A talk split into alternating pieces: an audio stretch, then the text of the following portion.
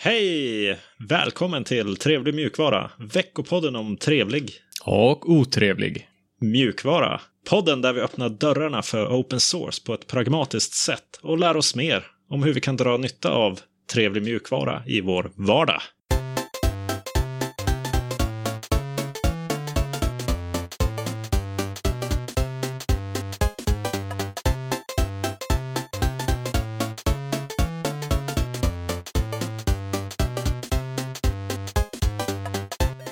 Heter Alexander och med mig har jag som vanligt Seb. Jajamän, det har du. Tjena.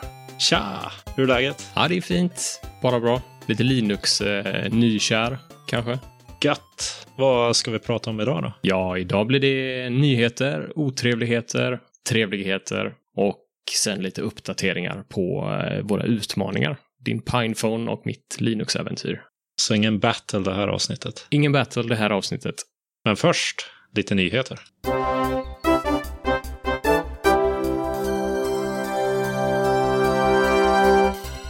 Och I det här avsnittet är det fullsmäckat med nyheter från Torvalds, Fostem, Plasma, IBM, Podvers, Podvers, CERN och IBM. Torvalds mergeade WireGuard i Linux 5.6. Eller den kommande Linux 5.6. Han har merchat in WireGuard som är en VPN-tjänst, va? Ja. I själva kärnan för Linux. Precis. Och jag ser fram emot att ha, ha den i kärnan för jag tycker att det är ett väldigt trevligt VPN. Det är mycket enklare än OpenVPN och kräver inte så mycket certifikat och annat trams. Eller trams kanske man inte ska kalla det, men det är mycket enklare. För det stöttar sig egentligen på enkla principer och fungerar på eh, klassisk kryptografi-matte. Ja. Så det ser jag fram emot. FOSDEM 2020 gick av stapeln i helgen. Det är en gratis konferens i Bryssel med, där tusentals eh, utvecklare av fri och öppen mjukvara möts varje år för att dela idéer och samarbeta. Och där hittar vi många av våra kompisar i mjukvaruvärlden, open source-världen framförallt. Då. Det är väl Nextcloud och Pinephone och Pine64. Mozilla har jag redan sagt va? Nej, det har jag inte. Nej, så den uh, surras det ju en del om i uh, Linux-kretsar i princip varje år. Det är väldigt populärt. Det är ju gratis om man väl är i Bryssel då. Det är inte gratis att ta sig till Bryssel. Ja, just det. De säger att de har eh, öl, dev rooms, open source, lightning talks, lectures och en massa hackers. Det låter ju som en trevlig kompott. Ja, verkligen. Där skulle vi varit. Plasma 5.18 LTS är på intåg. Är väldigt nära att det släpps. Jag tror det är tio dagar bort när vi eh, spelar in det här avsnittet. Den eh, innehåller ju ganska mycket trevliga saker. Jag kör ju plasma på alla mina datorer och är förälskad i det. Men det finns ju fortfarande förbättringar. Bland annat så har de en del polish och lite refresh av eh, gränssnittet på väg. De har en litet initiativ som heter Make the System Tray Applet Pop-Ups Look Better Initiative. Catchy namn. Ja, det var catchy. Rullar av tungan. Ja, och där tar de bland annat hand om volymkontrollerna till exempel som man styr där nere. Och Just det. Ja, de, eh, jag har ju nyligen testat, som vi ska prata lite mer om senare, testat plasma för första gången. Och just volymkontrollerna var någonting som jag irriterade mig lite på. Så ja, ser jag också fram emot. IBM byter VD. Ja, då kan man ju fråga sig varför vi pratar om det här. Men det är ju ganska intressant för gamla vdn, eh, Ginny Rometty var ju, ja, det var ju första kvinnliga vdn för IBM. Och hon satt ju längre än vanliga IBM-chefer. Den enda som hade suttit lika länge som henne var grundaren Thomas Watson. Och hon är ju lite känd för hon gjorde en stor manöver genom att köpa Red Hat som är en slags motsvarighet till Canonical i Linux-världen. Och för Red Hat betalar de 34 miljarder dollar. Så det var en stor affär hon gjorde där. Ja, verkligen. Men nu är det dags för henne att bytas ut tycker de. För det, aktievärdet, eller kursen, har ju inte gått så bra för IBM det sista. Så eh, Arvind Krishna, nu kanske jag slaktar det namnet, men Arvind Krishna är i alla fall arkitekten bakom Red Hat-uppköpet. Ja, han var tidigare ansvarig för Cloud and eh, Cognitive Software Unit. kraftfull laptop med Kubuntu installerat. kfocus.org. Just det. Det är alltså Kubuntu Council Tuxedo Computers, som är en datortillverkare, som har gått ihop och släppt en laptop med eh, Ubuntu, Kubuntu, förinstallerat. Just det. Det är väl uh, Ubuntu med ett plasmagränssnitt helt enkelt. Just det. Vad uh, kostar en sån? Den kostar från 1795 dollar. Oj då, det var inte som hittat. Nej, det är inte superbilligt. Det är väl inte superdyrt heller eh, om man jämför med andra high-end laptops. För att eh, spexen är ganska bra på laptopen, eh, även i det sämsta utförandet. Och man kan även boosta upp den till 64 gig ram och lite mer crazy komponenter, men då blir den betydligt dyrare också. Ja, men det är kul att det kommer fler och fler tillverkare som släpper eh, laptops och datorer med Linux som ett alternativ i shoppen i princip. Jag håller med om det, verkligen. Det har ju annars varit eh, bara Windows och MacOS som har funnits som alternativ. Det finns ju ett gäng som gör det. Det är ju Dell har ju varit pionjärer egentligen bland de klassiska tillverkarna att erbjuda Ubuntu på, sina, på vissa laptops. Sen finns det väl... eh, Lenovo vet jag har gjort lite sådana grejer innan också. Mm. Och Lenovo skeppar en workstation med Ubuntu installerat nu också. Just det. Vad är det för typ av workstation? Den kostar ungefär lika mycket som en begagnad bil. Eh, 6 000 dollar. Jesses. Och då kan man ju fråga sig vad man ska med den till. Och det är ett ganska kraftigt grafikkort i den. Men det är ju inte ett sånt där vanligt grafikkort som man använder när man ska spela. Utan det är ju till för folk som vill snabbt träna modeller för AI. Mm. Så det är ju därför de kostar sådär mycket. Ja, just det. Jag ser att de har fyra varianter av sin sån ThinkStation Workstation. Och de två billigaste varianterna, 1300 och 1800, 1900 dollar, kommer med Windows 10. Och de två dyrare, som då är AI Developer Workstations, kostar 6000 respektive 7 500 nästan. Mm. Och de kommer med Ubuntu då, de dyrare. Skulle inte de billiga också kunna komma med Ubuntu som ett alternativ åtminstone? Ja, det tycker jag. Jag tycker att man skulle kunna få Ubuntu som ett alternativ på alla modeller och laptops som Lenovo har i sin shop. De har ju ThinkPads som är väldigt populära i Linux-communityt. För de är väldigt kompatibla med Linux out of the box. Och jag har ju två ThinkPads hemma. Det är bra att de är kompatibla såklart, men jag undrar om det egentligen är ett sånt stort issue längre. Har du en modern laptop så kan du nog få Linux att köra på den utan större problem. Podverse, en open source podcast player med lite spännande funktionalitet som jag inte har sett i någon annan podcast player tidigare. Vad är det för funktionalitet då? Ja, Pod, Podverse är ju en open source podcast player som finns till, det finns på webben och den finns på Android och den finns på, på App Store. Ja, Så eh, den finns till alla möjliga devices du kan tänka dig. clip and share-funktion står det. Precis. Så du kan klippa en, en liten snutt av ett podcastavsnitt som du lyssnar på och dela den här lilla snutten sedan. Så om du vill ha en eh, 20 sekunders snutt av trevlig mjukvara som du tyckte var speciellt bra, som du vill dela med dina kompisar, så kan du klippa de 20 sekunderna och så får du en delbar länk till just den här sektionen då. Och så kan man klicka sig in på den och lyssna på snutten och sen därifrån komma till själva podcasten eller till avsnittet eller browsa vidare, så att säga. Får man även dela saker som är pinsamma från trevlig mjukvara? man får dela precis vad man vill. Ah, vad trevliga vi är. Ja, eller hur? Den här delnings... Eh, det klipp och eh, delningsfunktionen som Podverse har påminner mig lite om Twitch, som också har en liknande funktion. Just det, den har man ju sett lite här och var på nätet. Precis, det är många som delar eh, roliga klipp, roliga 20 sekunders snuttar av streamers som eh, sitter och spelar något spel då. Just det, och så brukar det vara någon sån här uh, live-chat som spelas upp samtidigt va? Just det, just det. Det stämmer bra. Det har vi ju inte här i Podverse då. K- kanske man skulle kunna ha också. Ja, men, Det är nog eh, ganska gött att inte ha det där. Ja, ja, precis. Ja, men de här eh, klippen är väldigt lätta att dela och reagera på. Och man kan få eh, större genomslag på något sätt. Eh, lättare att dela ett 20 sekunders klipp än att eh, säga till sin polare, ja, här är ett 40 minuter långt avsnitt som jag tycker du ska lyssna på för att det var bra. Så ja, häftig funktion som såklart ska finnas för poddar också.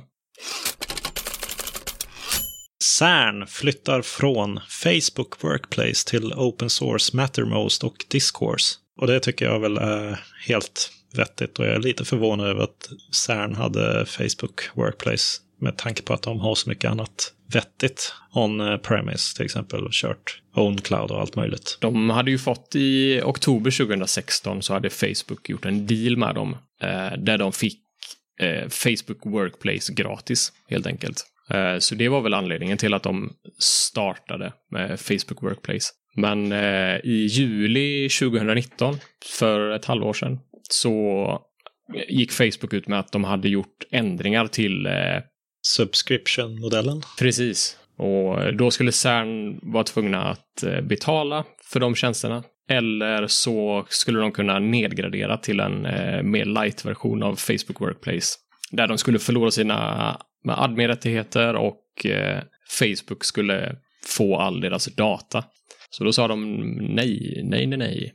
Men de valde Mattermost och Discourse. Mattermost är ett alternativ till Slack och Discourse är ett modernt forum. Precis, och båda de är ju open source-produkter ska ju nämnas också. Mattermost är någonting jag har följt ganska nära den senaste tiden. Och ganska länge. Men det är ju lite förvånande att de inte valde Matrix eller någon av de där hippa lösningarna. Men det blir ju lite mer privat med Mattermost. Det är lite mera silo runt en sån instans än Matrix. Så det kan jag ju förstå också. Men eh, nu är det dags för någonting helt annat. Otrevligheter! Hjälp! Och det är lite tunt på det här området, så det är ju bra på ett sätt. Men eh, det är ganska personligt, så det är ju dåligt på ett annat sätt. Va? Jag har ju en, eh, en tablet som jag köpte för att låta barnen leka lite med den och utforska appar och så. En Android-tablet som var, kostade kanske under 2000 kronor. Det var billigt. Ja, en Lenovo M10 eller något sånt där heter den. Och den funkade ju bra. Jag hade installerat mina vanliga grejer och så hade jag satt upp ett konto med barnens grejer. Så man kan switcha mellan olika profiler i Android. Men sen kom en uppdatering i årsskiftet någon gång. Och då, eh, den var på kanske eh, 2 gigabyte. Så det var en ganska stor uppdatering. Så det, jag tror att den gick från en Android-version till en annan. Men det måste varit den absolut sämsta uppgraderingsupplevelsen jag varit med om. För den tog bort alla mina appar och behöll några få, installerade ett gäng appar som till exempel Skype och någon eh, kinesisk eh, TikTok-variant. Och tog bort mitt custom-skal och alla mina genvägar som jag hade vant mig vid på skrivbordet. Och ja, det var det värsta jag varit med om. Det var riktigt otrevligt. Fy fasen. Så du blev av med massa appar, men du fick också nya appar som du inte hade bett om? Ja, som de försökte trycka på mig då bland annat några Microsoft-appar, bland annat Skype. De återaktiverar ju såklart en massa appar som jag hade inaktiverat, för det var ju inte en flashad enhet, så jag kunde inte ta bort appar på riktigt tidigare. Jag går ju att inaktivera vissa appar. Ja, just det. Ja, de var ju påslagna igen såklart. Och sen eh, det som fick, mig, fick bägaren att rinna över, det var ju att det började komma reklam i notifikationsfältet. Vill du inte ha reklam i notifikationsfältet? Ja, det var ju fullständigt absurt. För det var reklam om klipp från det där kinesiska TikTok. Så det var liksom eh, tjejer som såg ut som anime, sminkade tjejer som eh, jag tydligen då skulle vara intresserad av. Men det var ju som larvade sig liksom på någon video tydligen. Ja. Och det var ju ren katastrof. Jag blev ju liksom upprörd. Och då kände jag bara, oh, vilket misstag det var att köpa den här. Är det det här, är det, är det, det här man får liksom bara för att man köper något billigt? Ska de trycka ut Ska de öka marginalerna med, med de här grejerna då? Eller? Ja, undrar hur mycket pengar de får för den där reklamen. Men vad kör Lenovo Tablet sitt eget skal på Android? Är det ju uppenbarligen inte stock. Nej, de kör något som jag byter ut i stort sett. Okay. Jag har ju sedan fem sex år tillbaka en sån här premium-variant av Nova Launcher. Just det. Och den har massa inbyggda gestures och grejer man kan ha. Det är supersmidigt. Men den tog de bort och tog bort alla inställningar jag hade. Och det, det tar ju ett tag att sätta upp det där så att man har någonting man är bekväm med. Ja, ja visst. Så det, men jag, det är ju en slit och släng tablet. Så jag är inte, det är inte som att min året är förstört. Men det är ju ganska otrevligt. Alltså. Ja, det skulle jag verkligen säga. Kan du inte installera något av de mobila operativsystemen för Linux på den? Nej, det är det som är synd med de här tabletsarna och telefonerna. Det är ganska få som man kan installera dem på. Det är oftast väldigt gamla telefoner som man till slut har lyckats låsa upp på något sätt och sen ha tillräckligt med drivrutinstöd i Linux för att kunna köra saker på den. Ja, okej. Okay. Och det tar ett tag. Det är ju det som är begränsningen då misstänker jag. Du måste ju kunna installera OS på minneskortet. Men eh, så finns det ingen kompatibilitet med touchpaden eller eh, ja, skärmen. Precis. Eller, ja. Ja. De har ju något på G där, de här Pine 64, Pine 64, de som gör Pinephone. De har ju en Pine Tab på G, så det kanske man kan kika på. Mm, intressant. Men det är alltid otrevligt när man på riktigt... Jag hamnar inte så ofta i den världen längre, men ibland så... Nu blev jag påmind om hur det är att man inte äger sin... Eller har kontroll över, över mjukvaran på samma sätt som man har med Linux till exempel. Ja, efter det här eh, otrevliga segmentet så är det dags för någonting eh, mycket roligare.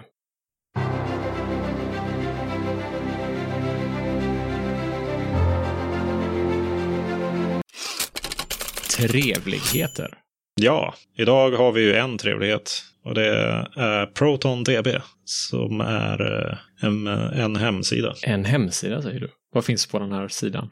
Ja, det hänger ihop med Proton som finns i Steam. När eh, Valve, Volvo, Volvo, när Volvo, när Valve eh, ursprungligen lanserade Proton i augusti 2018 så var, var det ett fåtal spel som var liksom officiellt verifierade av, av Valve. Men vänta, vänta, vad är Proton?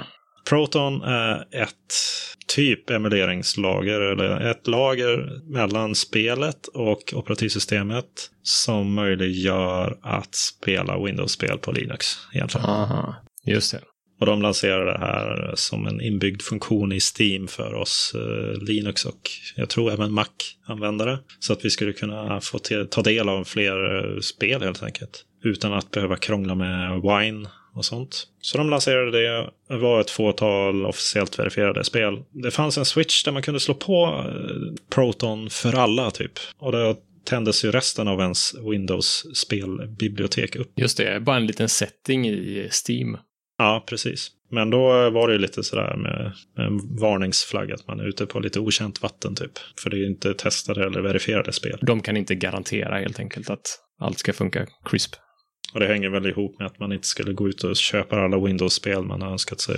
Så märker man att det inte funkar alls. Men då börjar ju folk organisera sig och sätta upp olika listor för att samarbeta. På, alltså de, man satte upp ett gigantiskt Google Sheet-dock som tog några minuter att ladda in. Där man hjälptes åt för att sammanställa vilka olika spel som fungerade olika bra. Okay.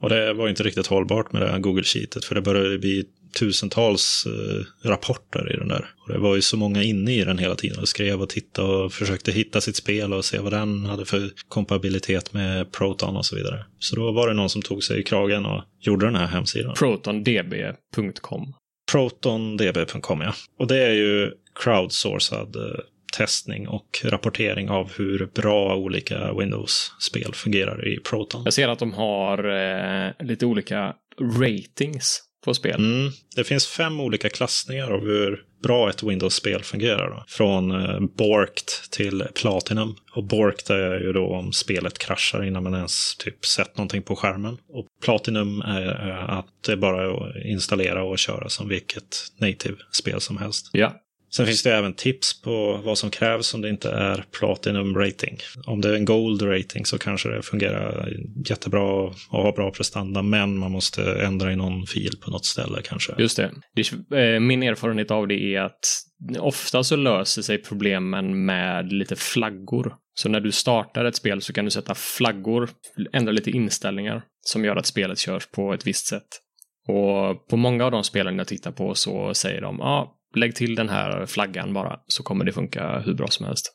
Mm. Du spelar ju, vad heter det? Path of Exile, tänker du på? Kanske? Just det. Och där är det väl någon flagga att den ska försöka använda den DX9, eller? Eh, ja, Precis. Nu minns jag inte vad flaggan var. Jag, jag har inte tagit mig tid att sätta mig in i vad flaggan faktiskt betyder. Men eh, Har du fått igång det? jag har fått igång det. Det funkar jättebra.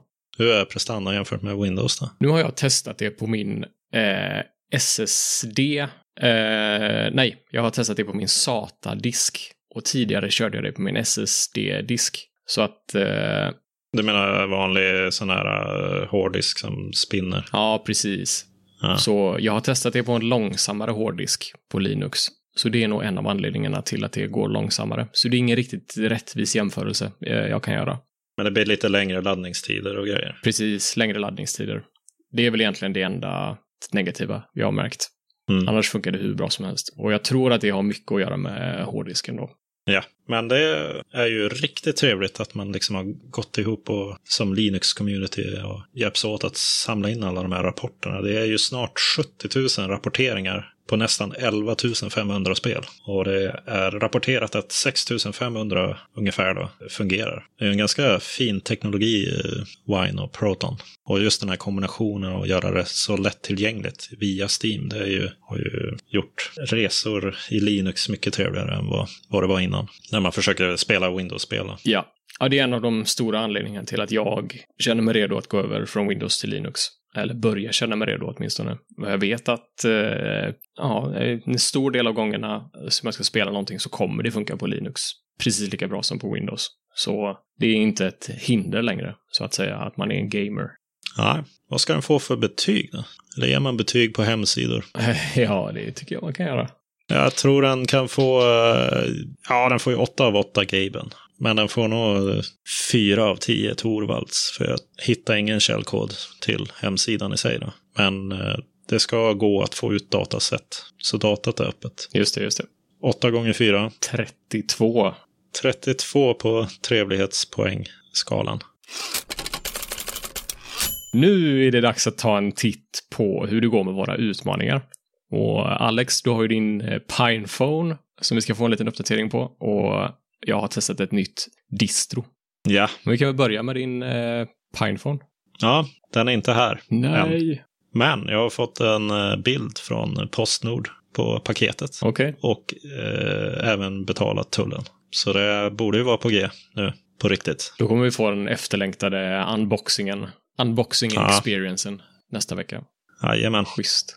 Och du har ju eh, övergett Elementary. Eh, yes. Vad var det som... Eh, det funkade inte så bra helt enkelt med vad du behövde. Nej, som vi kom fram till i förra avsnittet så har ju Elementary sin egen vision lite grann om hur operativsystemet ska se ut och hur det ska användas. Och det var väl nödvändigtvis inte eh, samma vision som jag har, helt enkelt. Så jag ville ju tweaka och eh, förändra utseendet på det och funktionaliteten. Men eh, det var inte superenkelt på Elementary OS. Så ja, det blev ju lite eh, mäckigt där. Saker som inte funkade och sådär. Så jag tänkte eh, testa ett annat alternativ. Vad blev det då? Ja, jag fick ju lite tips och guidning från dig där. Du hade lite olika Mm. förslag på alternativ. Kombinationer av, eh, Skrivbordsmiljö och distrobas, typ. just det. Ja, som du tipsade mig om så kombinationen av Plasma och Manjaro skulle råda bot på lite av de problemen som jag hade med Elementary OS. Med att det var svårt att customisa skrivbordsmiljön och appstoren, den inbyggda appstoren, eh, hade jag lite problem med att hitta vissa applikationer i, i Elementary OS. Och eh, det skulle troligen bli bättre i Manjaro och Plasma för mig då. Och det visade sig att det eh, blev det, verkligen. Mm. Manjaro är ju baserat på Arch. Man får ju hela repositoriet från Arch i princip. Och där hittar man ju det mesta, minst sagt. Ja, verkligen. Jag har lite sådana obskyra JavaScripts eh, funktion, funktionalitet som jag vill eh, ladda ner. Som jag inte kunde hitta skymten av på Elementary OS. Som bara fanns i storen på Manjaro. Mm. Så det var Det fantastiskt. Installationsprocessen för det här distrot var inte lika välpolerat som Elementary OS installationsprocess var. Så det är en liten kritik till dem från min sida. Ja. Jag tycker att download-sidan som man kom till när man skulle ladda ner ISOn var... ser lite konstig ut. Ser lite Sourceforge eh, reklamfeelingsaktig ut. Ja, det håller jag med om. Den ger inget proffsigt intryck direkt. Nej, verkligen inte. På Elementary OS så var det ju direkt på deras hemsida. Klickade du på download och så började nedladdningen då. Men här skickas man till någon annan konstig, eh, något annat konstigt CDN, eh, I guess. Men det är väl en minor sak.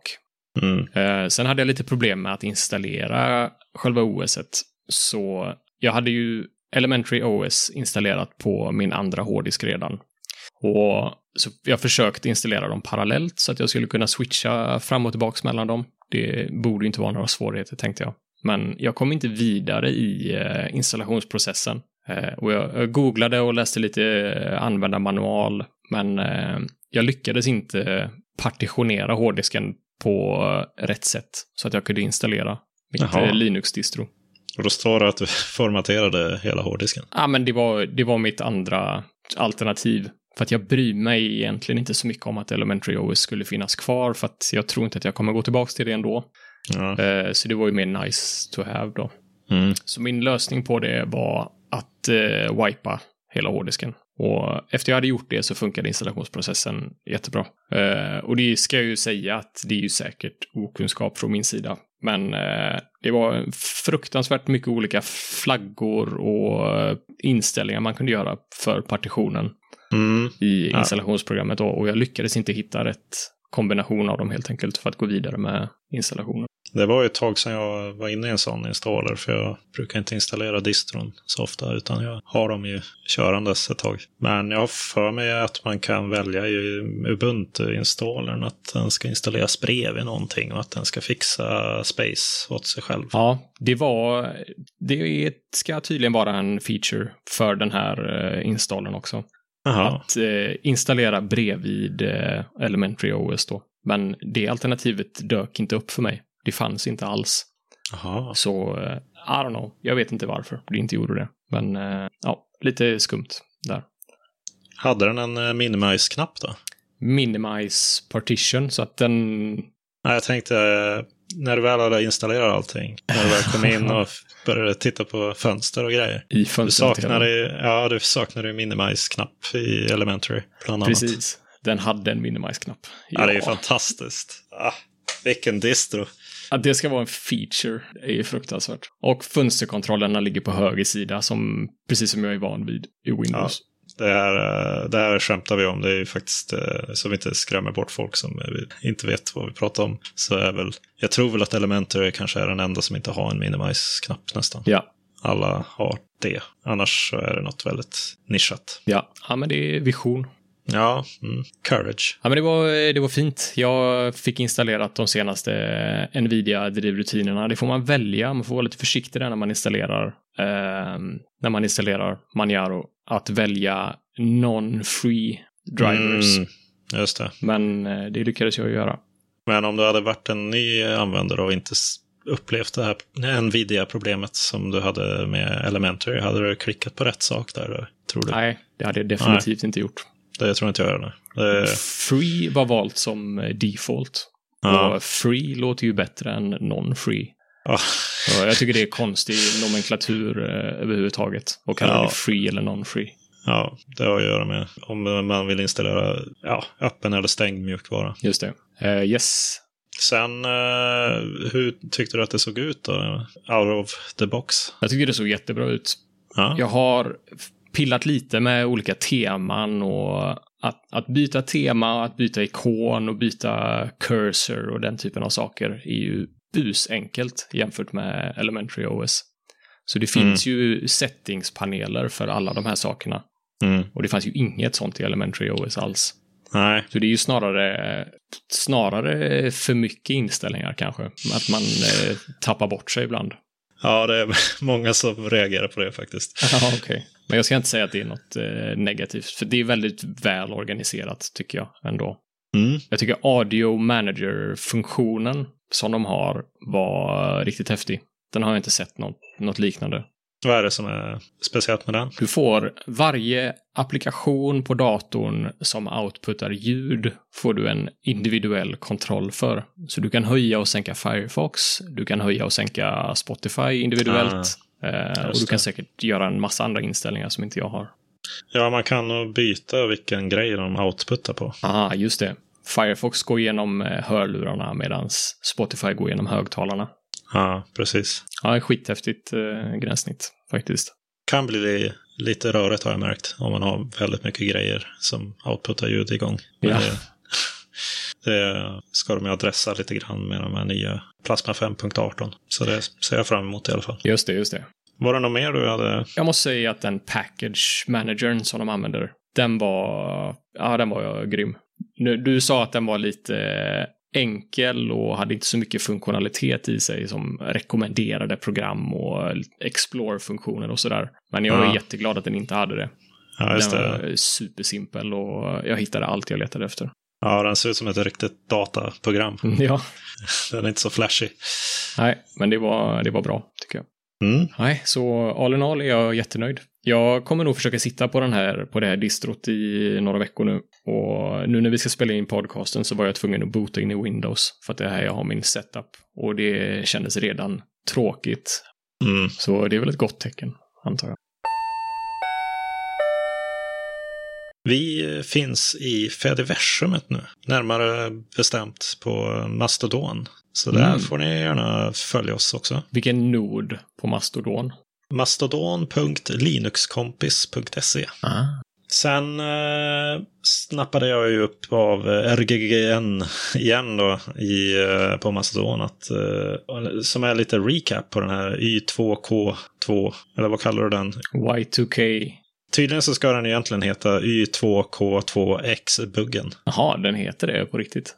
Ja, R- RGGN eh, länkar ju på Mastodon till eh, någon liten ordlista på Computer Sweden. Där de beskriver att problemet ibland kan bero på att man i några fall försökte lösa 2000-problemet genom att flytta nollställningsåret från 1900 till 1920. Så man flyttar på fram, eh, Man flyttar fram problemet. ja, 20 år. yes. Snyggt. Det pratar vi om i första avsnittet tror Ja, just det. De hade, eh, New York hade problem med sina parkeringsautomater. jag. Just det. Ja, det var ju en eh, rolig eh, lösning på för det problemet. Mm. Sopa under mattan. Ja, det gäller ju att skapa sig jobb framöver. Ja, precis. Det var all trevlig Och otrevlig. mjukvara vi hade för denna veckan. Hör gärna av er till kontakt trevligmjukvara.se. Och följ oss på att trevlig mjukvara på Twitter eller Mastodon om ni vill eh, fortsätta diskussionerna eller ge annan input. Vi har även en Telegramkanal också som ni gärna får eh, leta er fram till i kontaktuppgifterna. Två telegramkanaler. Till och med en eh, huvudkanal och en tipskanal. Just det. Men vi hörs nästa måndag. Trevlig mjukvara på er. Trevlig mjukvara.